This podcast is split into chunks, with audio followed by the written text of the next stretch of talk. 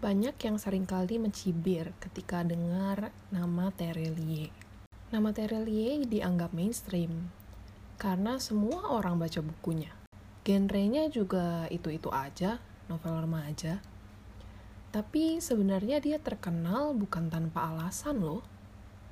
Beliau betul-betul penulis yang produktif dan penuh ide-ide. Aku baca buku-buku lamanya hingga yang baru.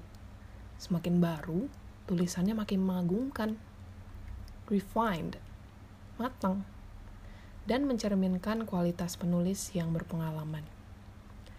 Buku-buku beliau yang udah puluhan itu berkembang tanpa batas, terus menampilkan potensinya, menjawab kekurangan-kekurangan di buku yang lama. Selamat tinggal, menurutku buku yang memperlihatkan kualitas pengalaman Terelie sebagai penulis buku. Bernasnya ada, lucunya ada, alur mulus, tapi tetap bikin penasaran tiap lembarnya. Dan di novel ini, cara beliau menghubungkan perkara-perkara tokoh lain lalu dijalin dalam satu cerita, itu mengagumkan sih. Bahkan banyak plot twist juga. Pengajaran nilai moral, Bahkan nilai kebangsaan dan sikap kritis pun bisa diselipkan di antara jalinan-jalinan cerita tadi. Jadi aku sangat terkesan sama buku ini. BTW aku awalnya penasaran banget apakah Sultan Pane orang beneran atau fiksi. Ternyata fiksi toh. Hampir mau tak searching.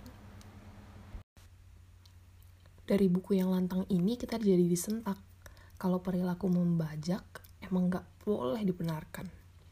Di sini Terelie menunjukkan kalau kita, kalau beliau nggak kalah bernas sama tokoh-tokoh bukunya. Sama-sama keras mengkritik dan lantang bersuara. Pokoknya mampu bikin kita tertampar sampai benar-benar lembam ke gitu loh.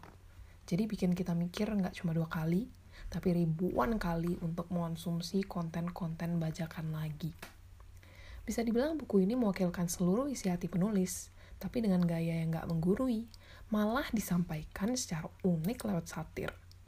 Pintar si penulis. Aku cukup optimis penjualan di toko-toko buku kayak Gramet bisa naik omsetnya setelah buku ini terbit. Amin, semoga. Mungkin inilah ya yang dimaksud pengetahuan atau pendidikan yang efektif.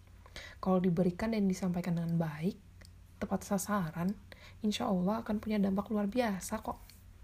Cara-cara lama macam slogan-slogan teguran gak bermakna, mana bisa nembus hati yang bebal coba. Terelia berhasil lakukan itu lah tulisan. Emang bener ya, pena tulisan ternyata bisa lebih sakti daripada pedang.